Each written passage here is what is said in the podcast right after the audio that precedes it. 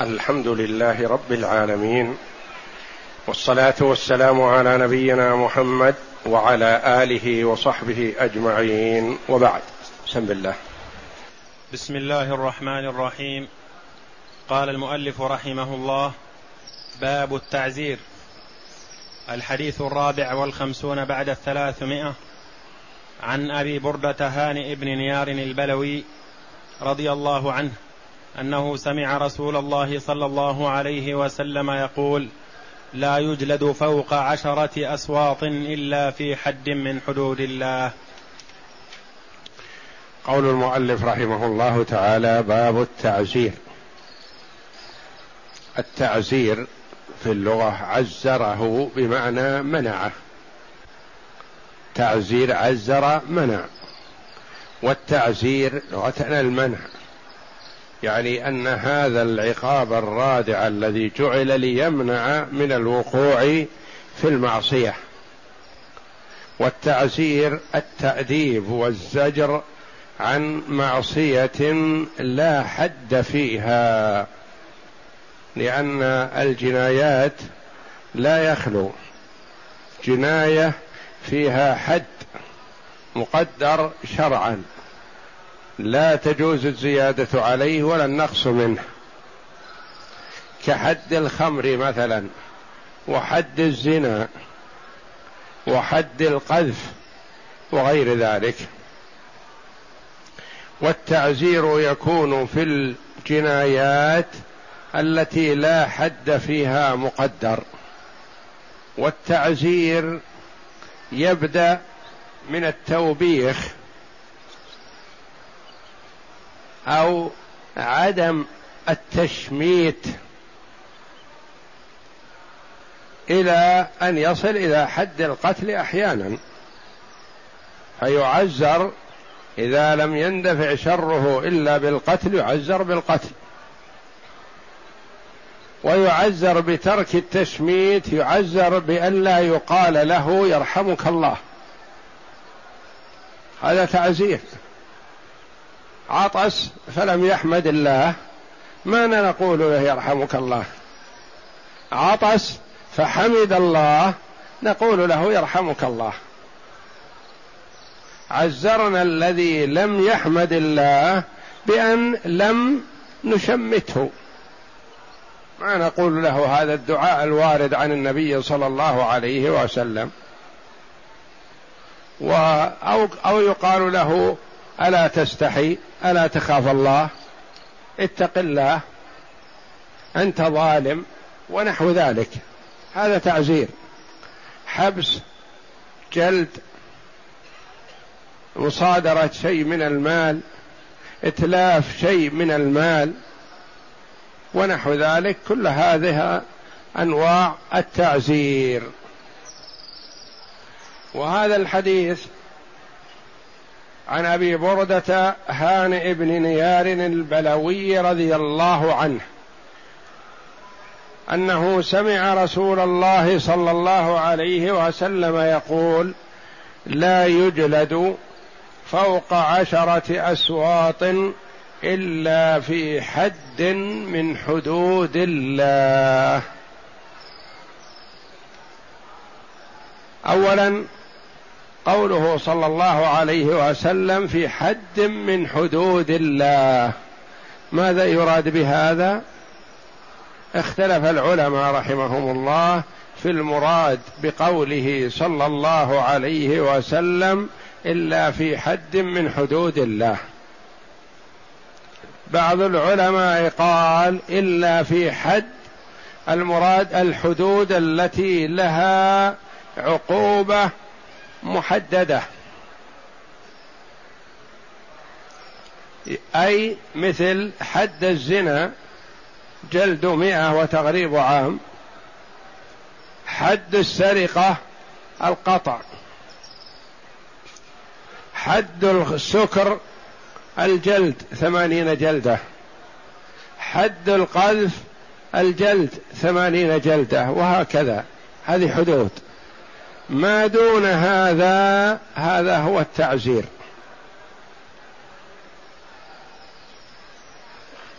هذا قول إن المراد بحدود الله هي الحدود التي حدد لها عقوبة معينة.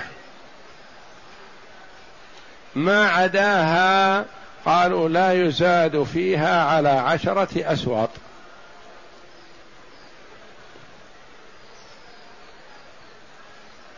وبهذا أخذ الإمام أحمد رحمه الله في رواية بأن التعزيرات يؤخذ فيها بما ثبت في هذا النص تكون في عشرة أسواط فأقل.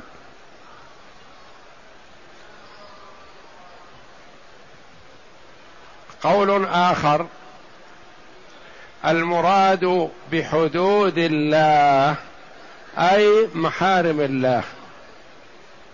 المحرمات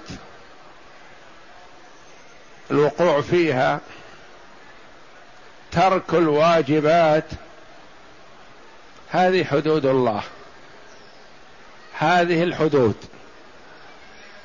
اذا ما الذي ما المراد بهذا الذي في عشرة أسواط؟ قالوا المراد تأديب الولد وتأديب التلميذ من معلمه وتأديب المرأة الخارجة عن طاعة زوجها بدون أن تقع في شيء محرم وتأديب الخادم والمملوك وغيرهم من هذا النوع. الواقع في شيء محرم وليس فيه حد مقدر. قالوا هذا داخل في الحدود. لأن هذه محارم الله سواء كان فيها شيء مقدر أو فيها شيء يرجع فيه إلى الحاكم. قالوا ما كان من باب التأديب فهذا في عشرة أسواط فأقل. وما كان عقوبة لفعل محرم أو ترك واجب فيزاد فيه. وليس منهيا عنه في هذا الحديث. ثم اختلف هؤلاء رحمهم الله فقالوا بعد قولهم إن هذه العقوبات يزاد فيها عن عشرة اسواط لكن ما نوع هذه الزيادة؟ منهم من قال لا يصل إلى الحد المعتبر في نوع هذه الجريمة. زنا البكر حده مثلا مئة جلدة. قالوا إذا حصل تعزير ما ثبت الحد ما يزاد ما يوصل فيه إلى مئة جلدة يجلد تسعة وتسعين جلدة. فما دون. منهم من قال لا يوصل فيه إلى أدنى الحدود الذي هو أدناها أربعون جلدة. حد الخمر كما كان في حياة النبي صلى الله عليه وسلم وخلافة أبي بكر الصديق رضي الله عنه. أربعون جلدة. آخرون قالوا لا يوصل فيه إلى أدنى الحدود من أي نوع في أي شخص كان. وأقل الحدود بالنسبة للرقيق هو عشرون جلدة. حد الخمر أربعون والرقيق عشرون. قالوا لا يوصل في التعزير إلى عشرين جلدة. واختلفوا رحمهم الله اختلافا كثير في هذا الباب. والقول الأولى بالأخذ والله أعلم هو أن هذا يرجع إلى اجتهاد الحاكم بشرط أن يكون سالما من الهوى والحيف. وذلك أن الأزمنة تتفاوت والزواجر تتفاوت والوقوع في المحرمات يتفاوت. فبحسب الظروف والأحوال وحال الناس لأن الناس مثلا في زمن النبي صلى الله عليه وسلم أقل شيء يكفيهم. الناس في زمن الخلفاء الراشدين رضي الله عنهم نعم يقل شيء يكفيهم. الناس في خلافة عمر بن عبد العزيز رضي الله عنه في وقت العدل والإنصاف كان لا يزيد على عشرة أسواط في التأديب. والأمن محفوظ وكل شيء مستقر. فقالوا يختلف باختلاف الحال واختلاف الجرم واختلاف الناس.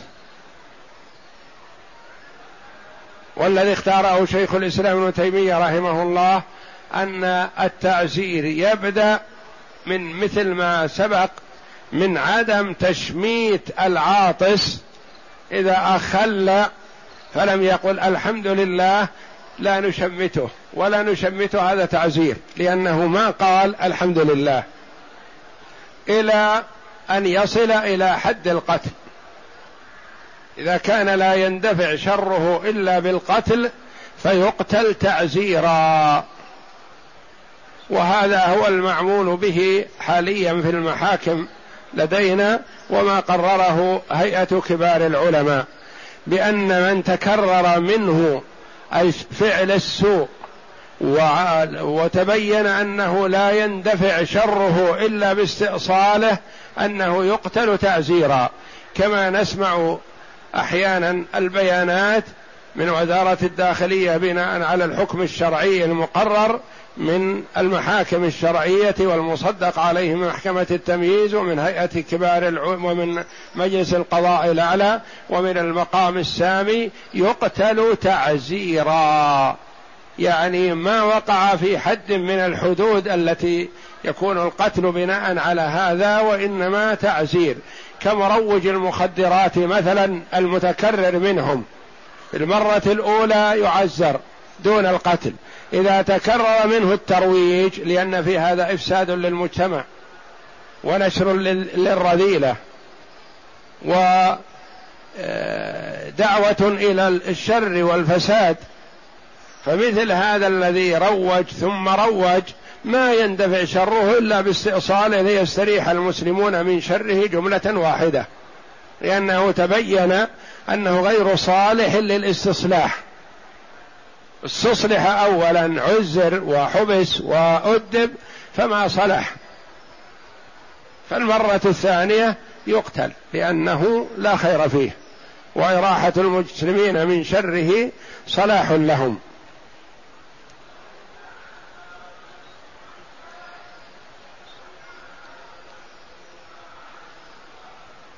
أنه سمع رسول الله صلى الله عليه وسلم يقول لا يجلد فوق عشرة أسواط إلا في حد من حدود الله.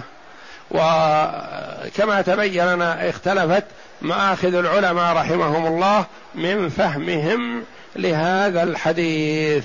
نعم اقرأ. التعزير. التعزير لغة هو مصدر عزر. وأصل العزر المنع فأخذ منه لأنه يمنع من الوقوع في المعصية.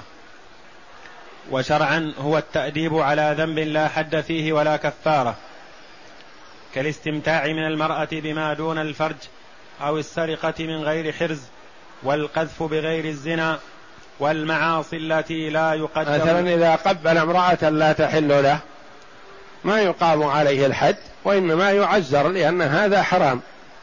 أو سرق سرقة من غير حرز مثلها. إذا كان من حرز مثلها يقام عليه الحد بالقطع تقطع يده. لكن سرق من غير حرز مثلها ما يقام عليه الحد وإنما يعزر. نعم. والمعاصي التي والقذف غير الزنا. إذا قذف بالزنا يقال له أثبت. إن أثبت الزنا سلم. وإن لم يثبت يقام عليه الحد ثمانون جلدة وحد قذف قذف بغير الزنا قذف بقوله مثلا أنت ظالم يقول لصاحبه أو أنت فاسق أو أنت مجرم مثلا يقال له أثبت هذا الإجرام أو الفسق أو الظلم فإن أثبت فبها ما عليه. ما أثبت وما استطاع أن يثبت يعزر حماية وحصانة للمسلم عن أن يتهم بما ليس فيه. يعزر ولا يقام عليه حد. نعم. والمعاصي التي لم يقدر لها الشارع حدودا هي الكثرة الغالبة. يعني هي الكثرة الغالبة من المعاصي وهذه يرجع فيها إلى اجتهاد الحاكم بخلاف التي لها حدود لها زواجر مخصصة محددة هذه معدودة على الأصابع. حد الزنا حد القذف حد الخمر حد السرقة. نعم.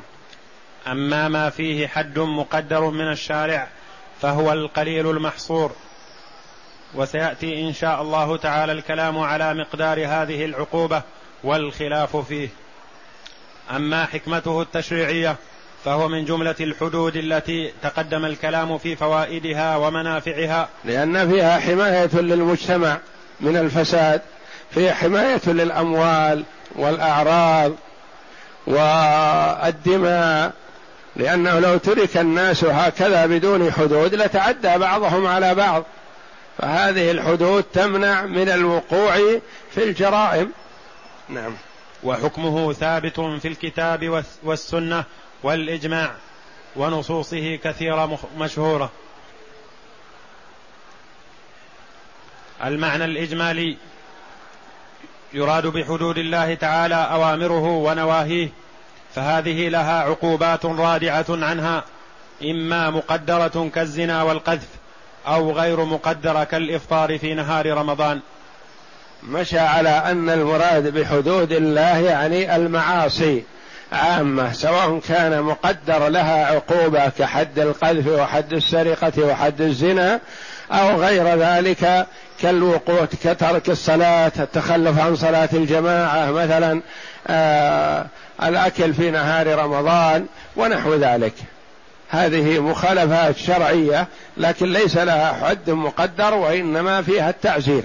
نعم.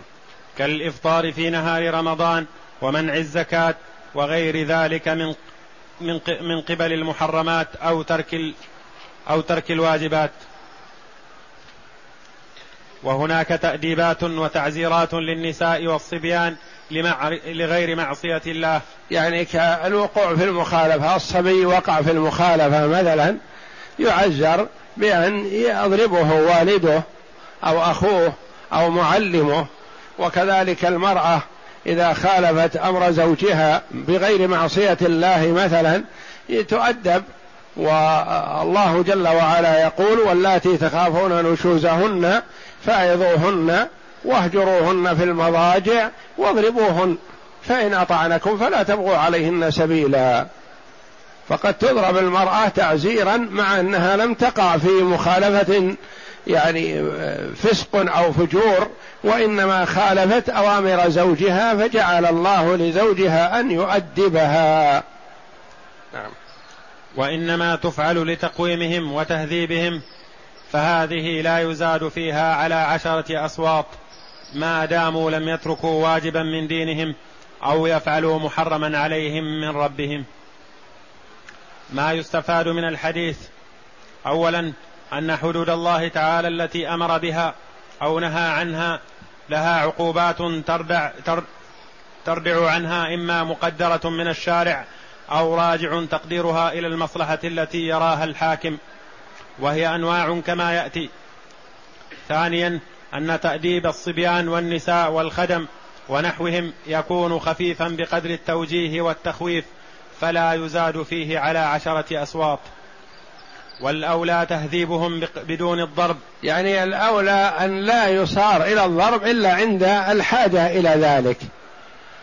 لأنه ينبغي آه، الزجر بالترغيب والترهيب قبل أن يصل إلى حد الضرب. كما رتب الله جل وعلا تأديب المرأة بقوله تعالى واللاتي تخافون نشوزهن فعظوهن أول الموعظة. واهجروهن في المضاجع بعد الموعظة اذا لم تنفع الموعظة تهجر. إذا لم ينفع هذا ولا هذا فقد أباح الله للزوج أن يضرب زوجته الضرب غير المبرح غير الشديد. نعم. نعم. والأولى؟ والأولى تهذيبهم بدون الضرب بل بالتوجيه والتعليم والإرشاد والتشويق. فهو أدعى للقبول واللطف في التعليم. والأحوال في هذا المقام تختلف كثيرا فينبغي فعل الأصلح. ثالثا ظاهر هذا الحديث تحريم الزيادة على عشرة أصوات لأن الحديث جاء بصيغة النهي ويقتضي التحريم. النهي يقتضي التحريم إذا لم يصرفه صارف. نعم. اختلاف العلماء اختلف العلماء في المراد من معنى قوله إلا في حد من حدود الله. فذهب بعضهم إلى أن المراد بالحدود هي التي قدرت عقوباتها شرعا كحد يعني الحدود حد الزنا حد السرقة حد الخمر حد القذف. المراد بحد من حدود الله هذه هذا على قول. نعم. كحد الزنا والقذف والسرقة والقصاص في النفس وما دونها من الأطراف والجروح. فعلى هذا يكون ما عداها من المعاصي هو الذي عقوبة مرتكبه التعزير وهو من عشرة أصوات فأدنى وهذا هو المشهور من مذهب الإمام أحمد. المشهور من مذهب الإمام أحمد أن المراد بالحدود هنا الحدود التي لها عقوبة مقدرة شرعا وما عداها تعزير والتعزير لا يزاد فيه على عشرة أسواط نعم. على أن الأصحاب يريدون بالتعزير المقدر لمن كان قد فعل المعصية أما المقيم عليها فيعزر حتى يقلع عنها. ولهذا قال شيخ الإسلام والذين قدروا التعزير من أصحابنا إنما هو فيما إذا كان تعزيرا على ما مضى من فعل أو ترك. فإن كان تعزيرا لأجل ترك ما, فع ما هو فاعل له فهو بمنزلة قتل المرتد والحرب وقتل الباغي وهذا تعزير ليس يقدر بل يعني هناك فرق بين تعزير عن جريمة وقعت وأقلع عنها المرء يعزر. جريمة لا يزال فيها المرء مستمر هذا يعزر التعزير الرادع ويستمر معه في التعزير حتى يمتنع. ولا يقتصر على الشيء البسيط. بل ينتهي إلى القتل كما في الصائل لأخذ المال. يجوز أن يمنع ولو بالقتل. وعنه أن كل معصية لها مثل المقدر لا يبلغ بها حد المقدر. يعني إذا كان مثلا حد الزنا جلد مئة وتغريب عام هذا حد. حصل ما حصل دون زنا مثلا. فلا يزاد في التعزير على مئة لأن المئة للزنا. فما كان دونه فيجب أن ينقص عن الحد. نعم. كأن يزني بجارية له فيها شرك فيجلد مئة صوت إلا واحدا إذا لأن من المعلوم الجارية إذا كانت ملك للشخص وحده فهي ملك يمين يستمتع بها متى شاء. لكن إذا كانت جارية مملوكة لثلاثة أو أربعة مثلا ما يجوز لواحد منهم أن يستمتع بها وحده ولا يجوز أن يشترك في الاستمتاع بالمرأة أكثر من واحد فتكون حينئذ محرمة عليهم كلهم. ما يجوز لهم أن يقربوها. واحد زنى بها يدرى عنه الحد الكامل لكون له شبهة وهو الملك. أنه يملك بعضها لا كلها. فيقام عليه يعزر بحيث لا يوصل إلى الحد. الحد مئة جلدة مثلا فيعزر بتسع وتسعين جلدة. نعم. وذهب بعض العلماء إلى أن معنى قوله إلا في حد من حدود الله أن المراد بحدود الله أوامره ونواهيه. وأنه ما دام التعزير لأجل ارتكاب معصية بترك واجب أو فعل محرم فيبلغ به الحد الذي يراه الإمام رادعا وزاجرا من وزاجرا من ارتكابه والعودة إليه. وذلك يختلف باختلاف المكان والزمان وباختلاف الأشخاص وباختلاف المعصية. فللأز... باختلاف المكان والزمان. فالبلدان ليست على حد سواء في وقوع المخالفات فيها والأزمنة كذلك تتفاوت والأشخاص يتفاوتون كذلك ما دام أنه ليس حد فالحد الناس فيه سواء لكن تعزير واحد يعزر بالحبس عشرة أيام واحد يعزر بالجلد أربعين جلدة مثلا هذا يناسبه الجلد لأنه لو عزر بالحبس ما, ما استفاد شيء ما يردعه الحبس.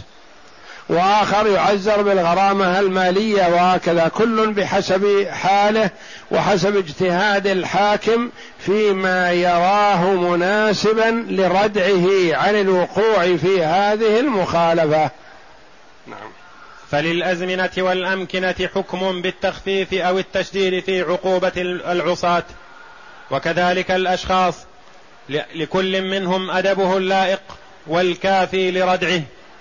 فبعضهم يكفيه التوبيخ وبعضهم الضرب والجلد وبعضهم الحبس وبعضهم أخذ المال. والذي يندر أن تقع منه المعاصي وهم ذو الهيئات فينبغي التجاوز عنهم وبعضهم مجاهرون معاندون فينبغي, فينبغي النكاية بهم. والمعاصي تختلف في عظمها وخفتها فينبغي للحاكم ملاحظة الأحوال والظروف والملابسات ليكون على بصيرة من أمره ولتكون تعزيراته تعذيراته وتأديباته واقعة موقعها وافية بمقصودها وهو راجع إلى رأي الحاكم. فقد يكون بالتوبيخ وقد يكون بالهجر وقد يكون بالجلد وقد يكون بالحبس وقد يكون بأخذ المال وقد يكون بالقتل. وكل هذه العقوبات لها أصل في الشرع. وإليك كلام العلماء في هذا الباب.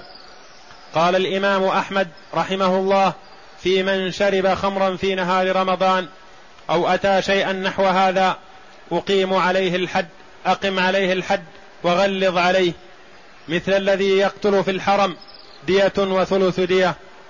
وقال أيضا إذا أذت المرأة المرأة تعاقبان وتؤدبان. وقال أيضا في من طعن على الصحابة إنه قد وجب على السلطان عقوبته فإن تاب وإلا أعاد العقوبة. وقد أطال الناقل عن شيخ الإسلام في الاختيارات في هذا الباب فنجتزئ من ذلك بفقرات تبين رأيه وتنير الطريق في, في هذه المسألة. قال رحمه الله وقد يكون التعزير بالعزل والنيل من عرضه مثل أن يقال يا ظالم يا معتدي وبإقامته من المجلس.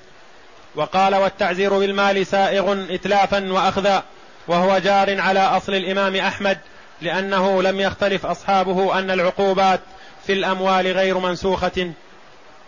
وقول الشيخ أبي محمد المقدسي بن قدامة ولا يجوز أخذ مال المعزر إشارة منه إلى ما يفعله الولاة الظلمة وقال ويملك السلطان تعزير من ثبت عنده أنه كتم الخبر الواجب كما يملك تعزير المقر إقرارا مجهولا حتى يفسره أو من كتم الإقرار.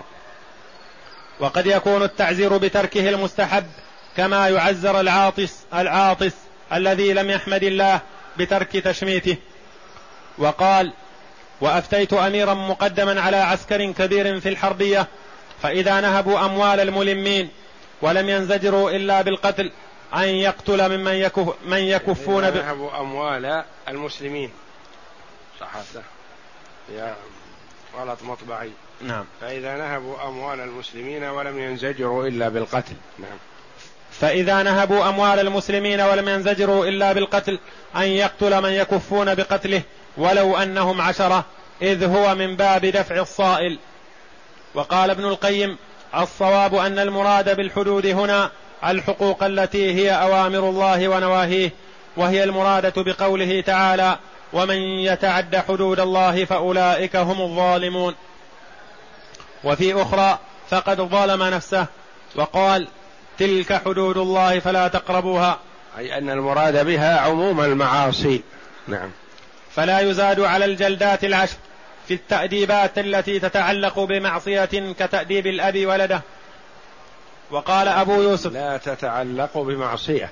يعني يجعل موضوع التعزير بالعشرة أسواق فيما لا يتعلق بمعصية وإنما تتعلق بمخالفة الولد لأبيه أو مخالفة الولد لمعلمه أو مخالفة الزوجة لزوجها أو مخالفة الخادم لسيده ونحو ذلك.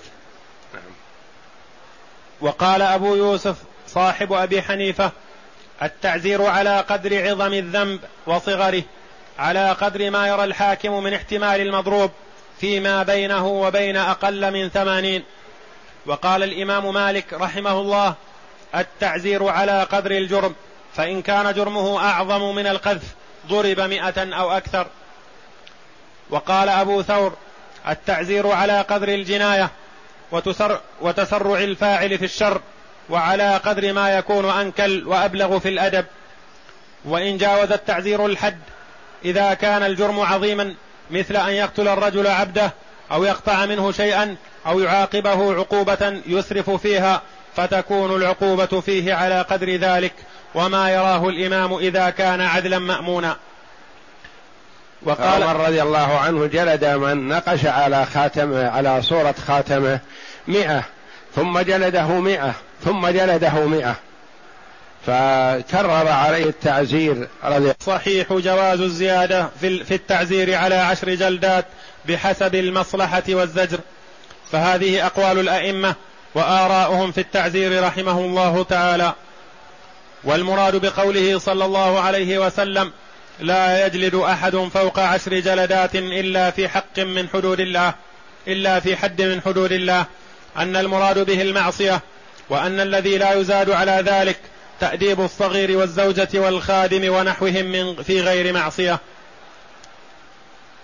فوائد منقولة عن شيخ الإسلام الأولى كان عمر بن الخطاب يكرر التعزير في الفعل إذا اشتمل على أنواع من المحرمات فكان يعزر في اليوم الأول مئة وفي الثاني مئة وفي الثالث مئة. يفرق التعزير لئلا يفضي إلى فساد بعض الأعضاء. لأنه ربما لو جلد ثلاثمائة جلدة في وقت واحد لربما تعطلت بعض منافعه أو ضره ضررا يستمر معه. فيجلده مئة ثم يتركه وفي اليوم الثاني يجلده مئة. كما هو الحال الآن المعمول به في المحاكم. نعم. الثانية الذي عنده ممالك وغلمان يجب عليه أن يأمرهم بالمعروف وينهاهم عن المنكر.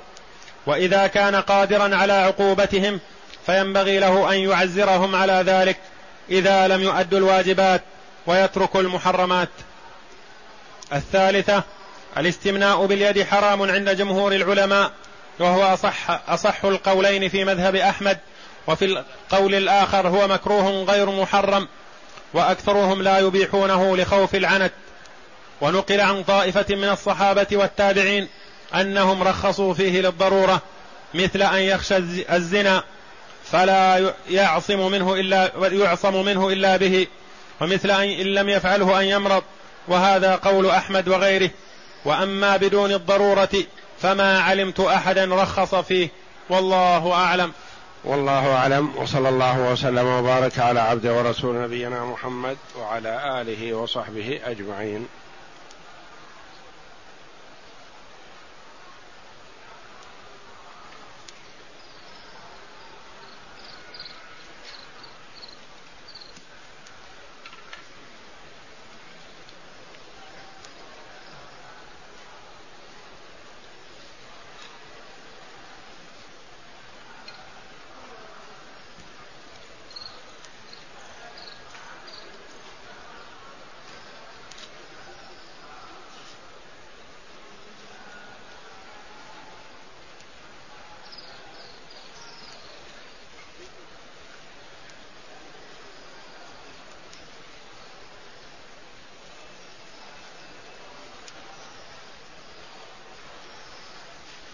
يقول السائل شرب الخمر هل هو حد أم أنه تعزير؟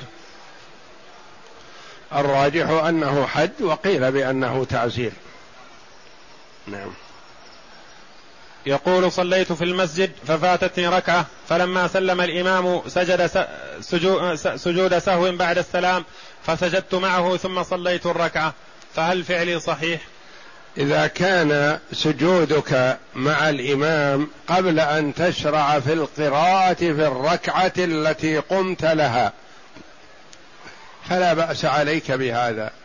وإن كنت شرعت في القراءة فلا ينبغي لك أن ترجع لتسجد وإنما تستمر في ركعتك وتسجد عند انتهائك من صلاتك أنت.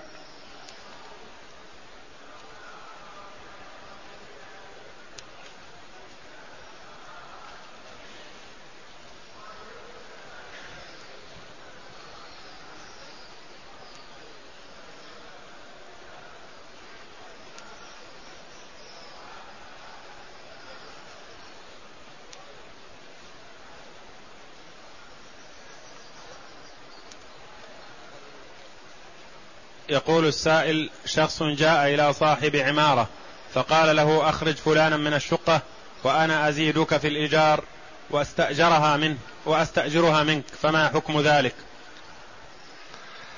إذا كان هذا الساكن في الشقة مثلا لا يراد إخراجه منه ضرر على الآخرين أو يتعاطى بعض المحرمات أو يترك الواجبات الشرعية. واحبوا إبعاده عنهم. فلا بأس بهذا لأن هذا من باب تغيير المنكر. أما إذا كانت أموره ماشية وإنما أرادوا إضراره لإخراجه من هذا السكن فلا يجوز هذا ويدخل هذا في البيع على بيع أخيه والشراء على شرائه مثله الاستئجار على استئجاره ونحو ذلك.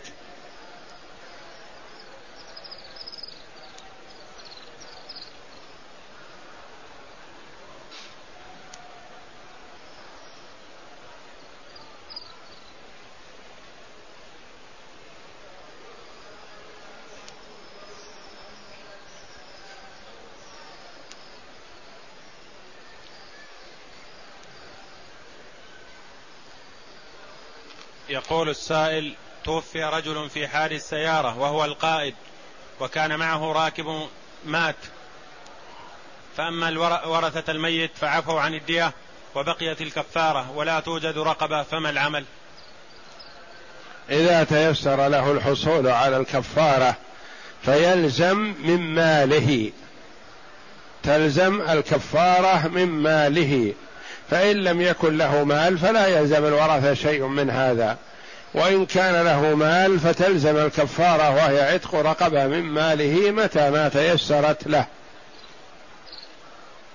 وأما الدية فهي حق الورثة إذا عفوا عنها سقطت. وأما الكفارة فهي حق الله جل وعلا لا تسقط إلا مع عدم القدرة على أدائها.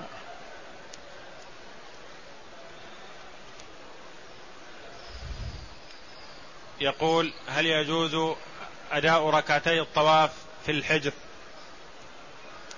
نعم يصح أن يصلي ركعتي الطواف في الحجر وخلف المقام وفي أي مكان من المسجد الحرام وفي البيت وفي الطريق إذا كان مسافرا. ركعتا الطواف تصلى والحمد لله في أي مكان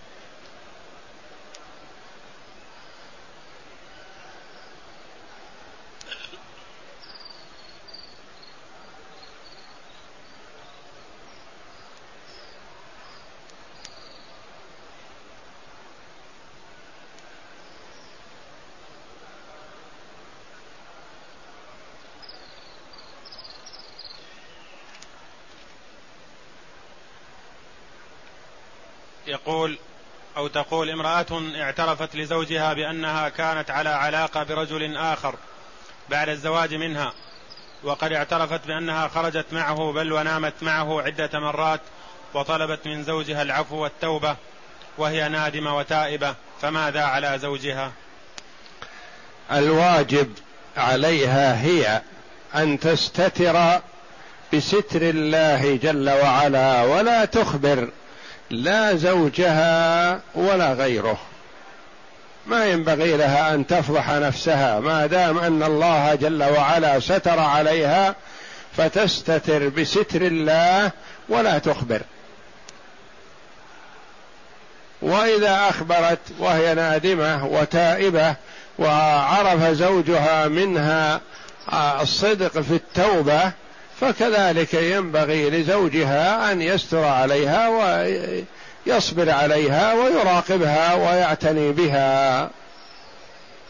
والذي ينبغي لمن وقع منه جريمة أو زلة فستر الله جل وعلا عليه في الدنيا الا يفضح نفسه ويستتر بستر الله جل وعلا ويطلب من الله وحده العفو.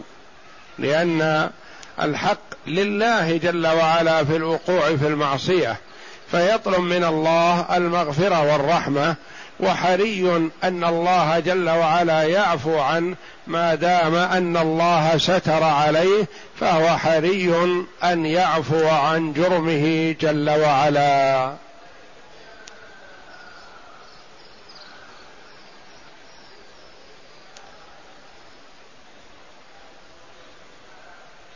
يقول هل الشهيد يصلى عليه ويغسل ويكفن وكذلك الغريق ومن مات في حادث سياره الشهداء في هذه الأمة والحمد لله كثير كما أخبر النبي صلى الله عليه وسلم. لكن الذي لا يغسل ولا يصلى عليه شهيد المعركة. الذي قاتل الكفار وقتلوه. هذا لا يغسل ولا يصلى عليه. اولا لا يغسل لأن دمه يبقى فيه خير له وهو أثر طاعة يحبها الله جل وعلا. وقد يكون في تغسيله آه، تفتيت لبعض أجزائه. ولا يصلى عليه لأن الصلاة على الميت شفاعة له. والشهيد نفسه يشفع بإذن الله جل وعلا فهو غير محتاج إلى الشفاعة. هذا شهيد المعركة. أما الشهيد في الغرق والحرق وحوادث السيارات ونحوها فهذا يغسل ويصلى عليه ولا يجوز أن نخصص فلان نقول فلان شهيد لأن الشهادة شأنها عظيم. ولا تقال لفلان شهيد إلا من شهد له النبي صلى الله عليه وسلم. نقول الميت في كذا شهيد لكن ما نقول فلان شهيد.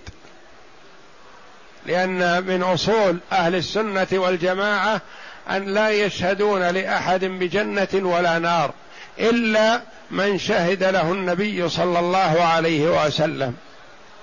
الذي شهد له النبي صلى الله عليه وسلم بالجنة نشهد له بالجنة تصديقا للنبي صلى الله عليه وسلم وايمانا بقوله عليه الصلاة والسلام.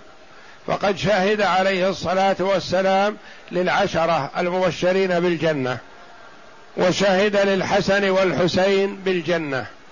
وشهد لثابت بن قيس بن شماس بالجنة وشهد لعدد من الصحابة لعكاشة بن محصن بالجنة. فنشهد لمن شهد له النبي صلى الله عليه وسلم بالجنة. وأما من لم يشهد له بالجنة فنرجو للمحسن ونخاف على المسيء. ومن ورد أنه من أهل النار نشهد له بالنار. كأبي لهب عم النبي صلى الله عليه وسلم حيث يقول الله جل وعلا تبت يدا أبي لهب وتب ما أغنى عنه ماله وما كسب سيصلى نارا ذات لهب وامرأته حمالة الحطب في جيدها حبل من مسد. فهو وامرأته في النار قطعا. فالشهادة لمعين ما ينبغي أن نشهد إلا لمن شهد له النبي صلى الله عليه وسلم. لأننا لا ندري ما خاتمته. قد نقول عن شخص أنه شهيد ولا يصلي. معروف مثلا أنه متكاسل متهاون بالصلاة تارك للصلاة مثلا. ما يصح أن نشهد لشخص معين نقول شهيد فلان الشهيد. لا. إلا لمن شهد له النبي صلى الله عليه وسلم.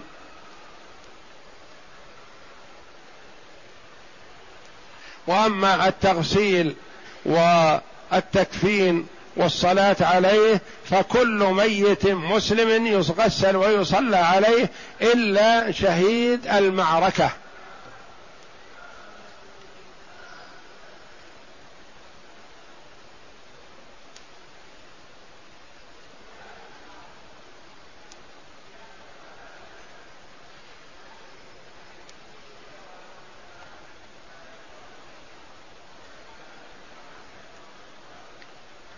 يقول من عطس وحمد الله هل يجب على كل من سمعه أن أن يشمته؟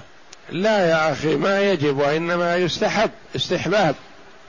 ما يجب على كل من سمعه أن يشمته وإنما يستحب هذا استحبابا لا وجوبا. نعم. يقول إذا إذا عطس من من بجانبي أثناء خطبة الجمعة وحمد الله هل هل أشمته؟ إذا عطس أثناء خطبة الجمعة فلا تشمته لأنك منهي عن الكلام. فكلامك محرم وتشميته مستحب. فلا يجوز لك أن تفعل مستحبا لتقع في المحرم.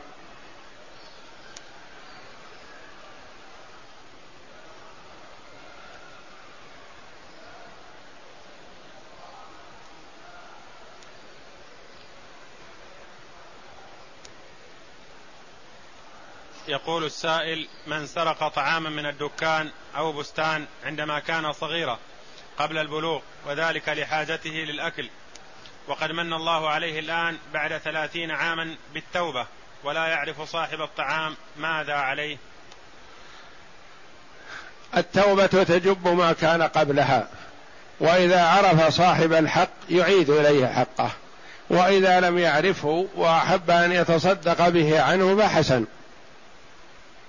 والتوبة تجب ما كان قبلها.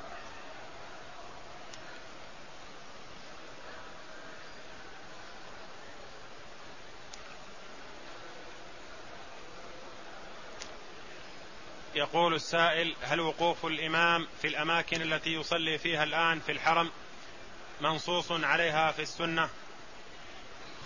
لا يا أخي يقف الإمام حيث توصل وصله اجتهاده إليه. له أن يقف حول الكعبة وله أن يقف بعيد وله أن يقف بين الركن اليماني والحجر الأسود وله أن يقف بين الركن اليماني وجهة الركن الشامي.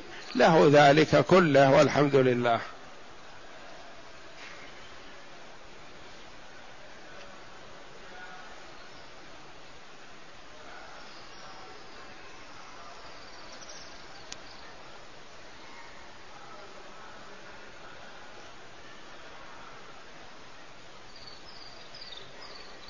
يقول السائل ما معنى الحد لغة وشرعا وهل يلزم أن يجلد من كان عليه حد كامل العدد أم يمكن أن يجلد كل يوم عشرون جلدة وخاصة إذا كان مريضا؟ الحد في اللغة المنع. موانع حدود الله موانع ممنوعة. وهو آه، عقوبة مقررة شرعا تمنع من الوقوع في الجريمة مرة أخرى. ولا يجوز تفريق الحد. كان يكون الحد ثمانون جلدة. يجلد في كل يوم عشرة أسواط ما يصح. لا بد أن يعطى إياها معا. ولا يلزم أن تكون بالقوة حسب حال المجلود. يتفاوت الجلد من شخص لشخص. واحد يتحمل يزاد عليه بالقوة. واحد ما يتحمل يعطى على قدره وهكذا. وإذا خشي أن الجلد يقتله لضعف حاله ومرضه فيؤخر الجلد ولا يوزع.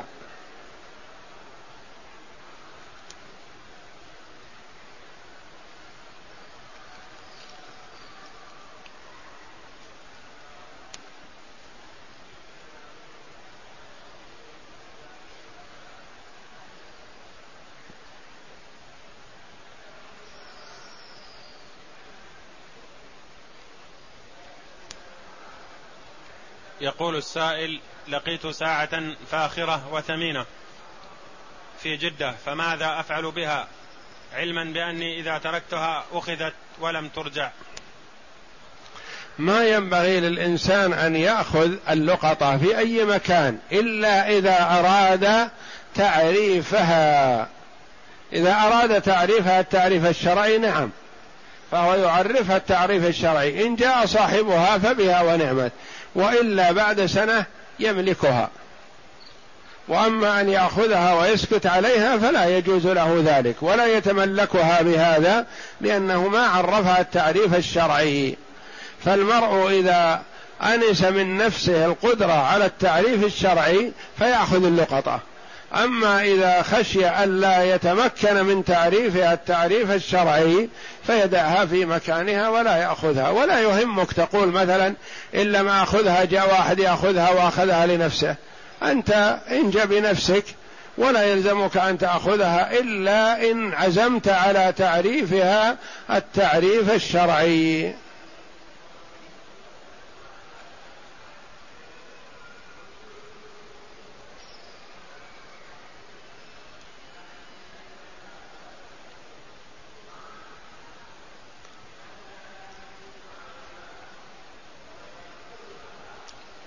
يقول أنا مصاب بسلس البول فأحيانا ينتقض وضوئي وأنا ذاهب إلى الصلاة وأنا كنت في الصلاة وأحيانا أم المصلين فهل علي شيء أفيدوني؟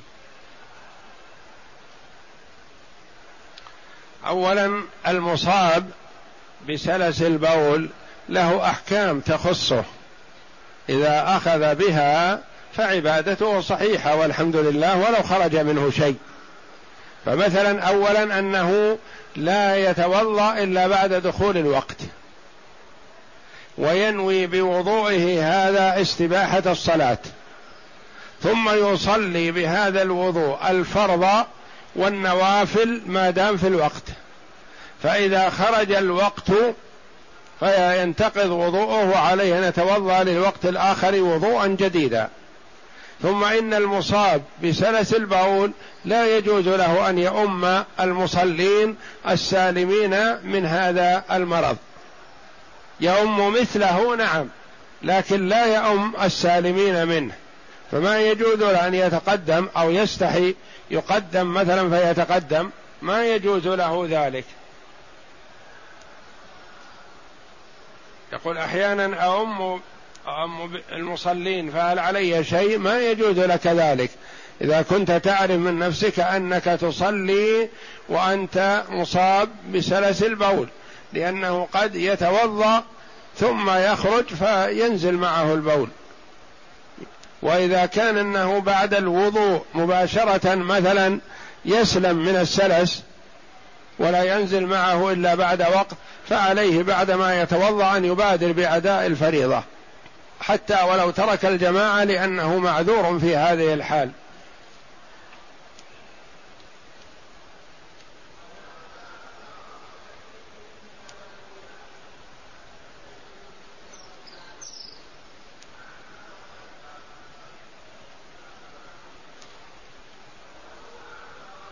يقول رجل كثير الحلف ثم يرجع في يمينه ولا يكفر.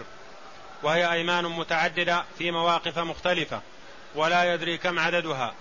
هل تعتبر هذه الأيمان من لغو من لغو الأيمان؟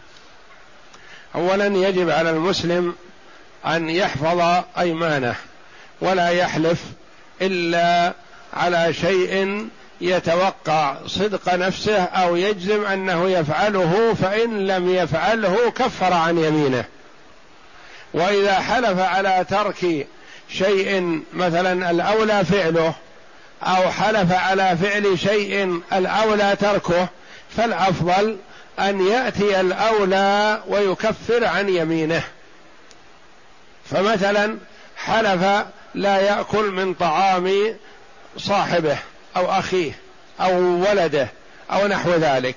نقول الأولى له أن يكفر عن يمينه ويأكل من طعام أخيه المسلم. حلف الا يكلم أخاه المسلم مثلا. الأولى تكليمه نقول كفر عن يمينك وكلم أخاك. لقوله صلى الله عليه وسلم إني والله إن شاء الله ما حلفت على يمين فرأيت غيرها خيرا منها إلا أتيت الذي هو خير وتحللتها.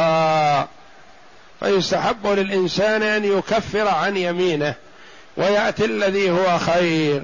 وإذا جهل أيمانه مثلا فعليه أن يحتاط عليه أن يحتاط في الكفارة ويخرج ما يظن أنه يبرئ ذمته. وكفارة كل يمين إطعام عشرة مساكين أو كسوتهم أو تحرير رقبة. هو بالخيار بين هذه الأمور الثلاثة. فإن لم يستطع واحدا من هذه الثلاثة صام ثلاثة أيام. فلا يجوز أن يصوم ثلاثة أيام ولا يكفيه وهو قادر على الإطعام أو الكسوة. وإذا كانت الأيمان متعددة في موضوع واحد فكفارتها واحدة. وإذا كانت في مواضيع متعددة فكفارات بحسبها. وإذا كان يمين على مواضيع كثيرة مثلا يمين واحدة فكفارتها كفارة واحدة.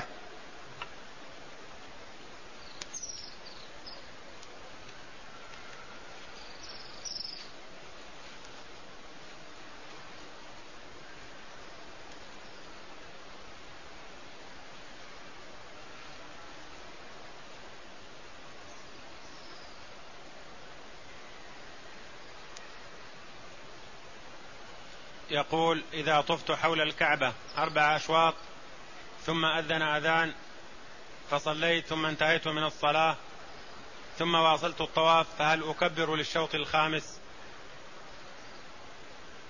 التكبير بمحاذاة الحجر الأسود سنة وليس بحتم ولا لازم. إذا حاذيت الحجر الأسود واستمررت في البناء على ما مضى مثلا طفت أربعة ثم أديت الصلاة وبعد الصلاة أردت أن تكمل فتطوف ثلاثة أشواط. والتكبير بمحاذاة الحجر الأسود سنة إذا فعلت ذلك. وإن لم تفعل يعني ما كبرت وقفت بحذاء الحجر الأسود وسرت فطوافك صحيح. يقول إذا صليت الظهر وحضرت صلاة العصر وأنا على طهارة فهل أحتاج إلى وضوء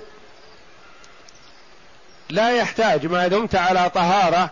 يقول ولو أني نويت بوضوء صلاة الظهر إذا كان وضوءك كامل ونويت به صلاة الظهر مثلا فلك أن تصلي به العصر والمغرب والعشاء وجميع الصلوات ما دام أنه رافع للحدث. أما إذا كان وضوءك مما يستباح به الصلاة كمن حدثه دائم فيجب أن تتوضأ لدخول كل وقت صلاة.